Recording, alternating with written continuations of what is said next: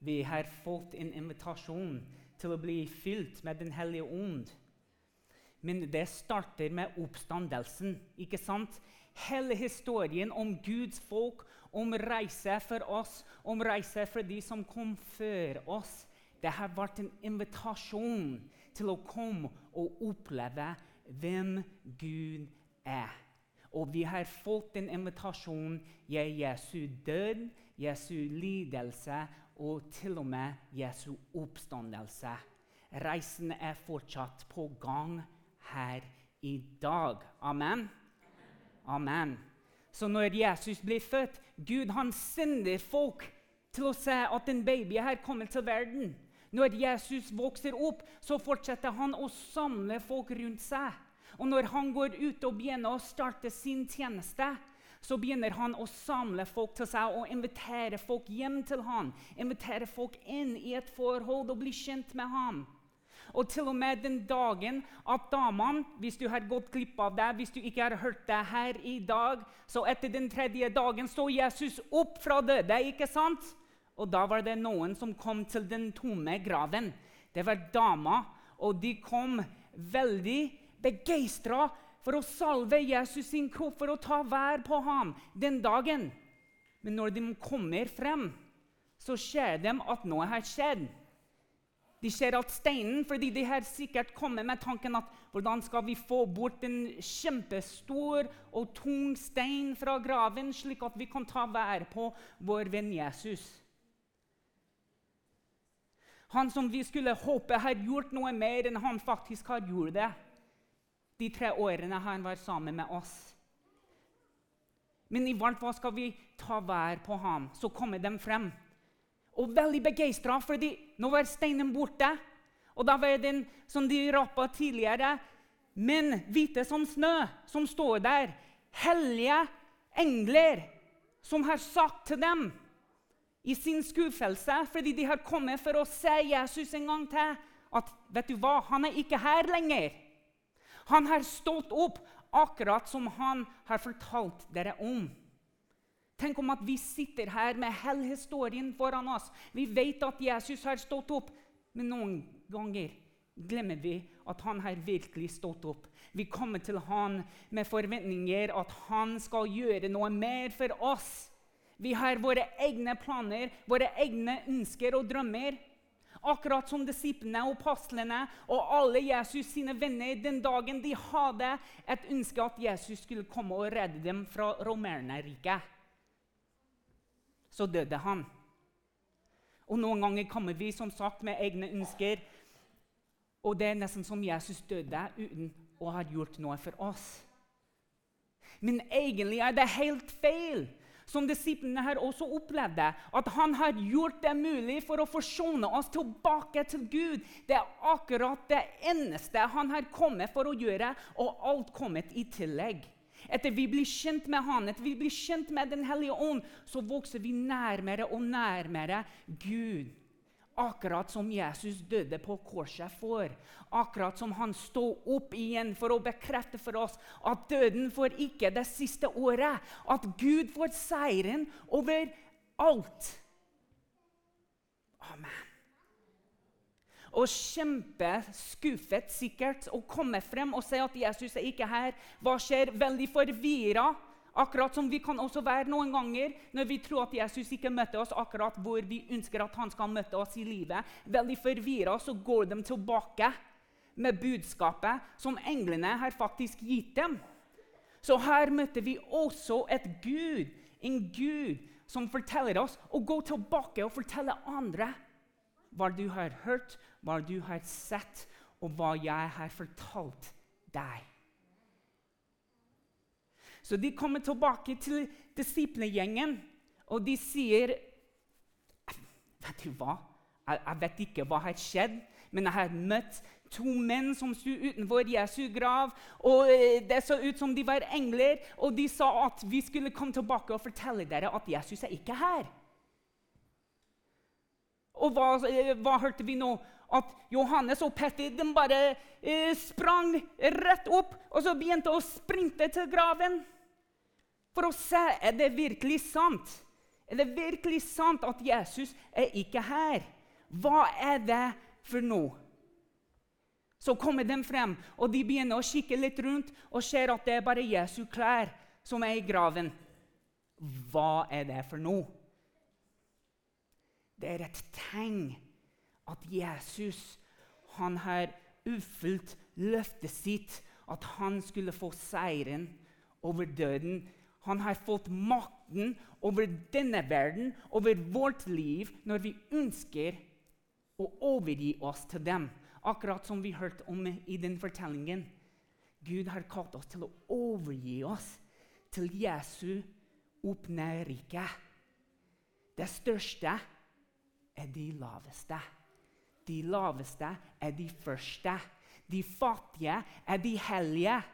De hellige er helliggjort bare av Jesus Kristus, ikke av sine egne gjerninger. Vi har møtt Jesus her i dag. Vi feirer den oppstandelsen. Folk har kommet og sett at Jesus er ikke der. Vi har hørt og vi lever fortsatt at Jesus er ikke i graven. Vi feirer det. Det er en herlig feiring. Det er ikke noe vi skal skuffe oss over eller bli veldig lei oss at å, Jesus han døde, han var i graven. Nei, det er en skikkelig feiring at vi kommer hit sammen fra alle nasjoner, fra alle generasjoner, fra alle verdens kanter for å opphøye navnet Jesus og hans oppstandelse og seieren over døden.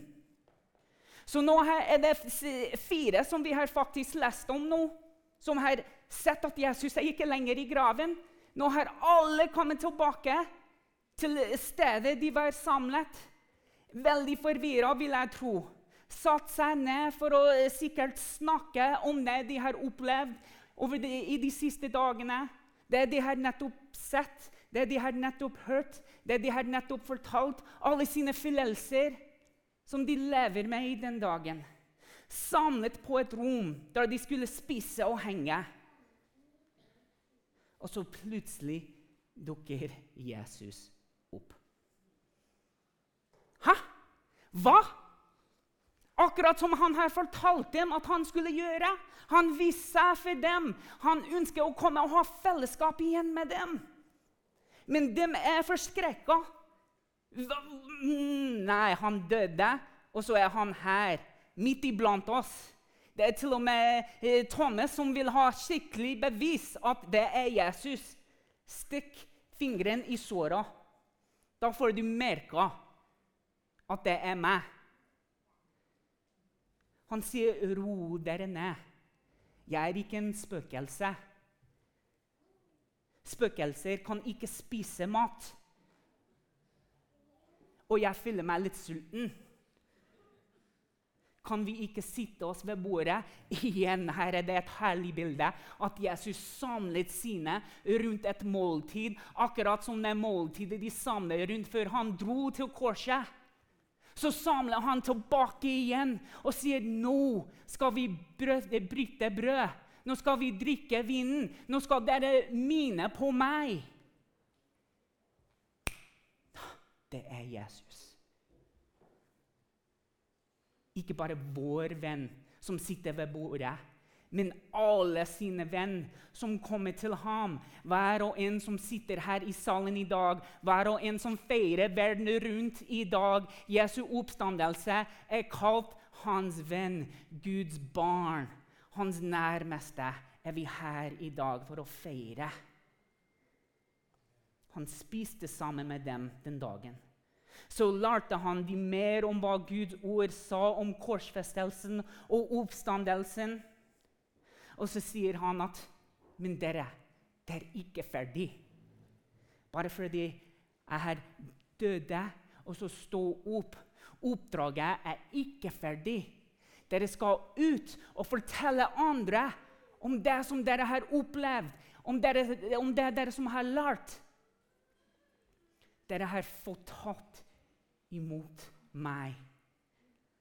Og nå skal dere videre til Jerusalem og vente i det ypperste rommet for min hjelper, Den hellige ånd. Reisen er ikke ferdig. Den hellige ånd har kommet oss. Vi kan ta imot Den hellige ånd når vi blir frelst av Jesus Kristus. Sinnet er tilgitt, og man blir i et forhold med Gud. Og det er bare mulig på grunn av det Jesus har gjort, og seieren han har fått over døden. Nå har jeg et spørsmål for alle sammen her. Var det sant at Jesus ville at alle disiplene skulle gå ut og fortelle om det de har hørt, om de gode nyhetene? Er det fleip, eller er det fakta? Det er fakta, faktisk. Han sa det. Vi skal ut. Vi er ikke kalt for å bare samle oss inn i Guds hus, men vi er kalt for å gå ut og fortelle om Guds kraft, om Guds oppstandelse. De er gode nyheter. Amen.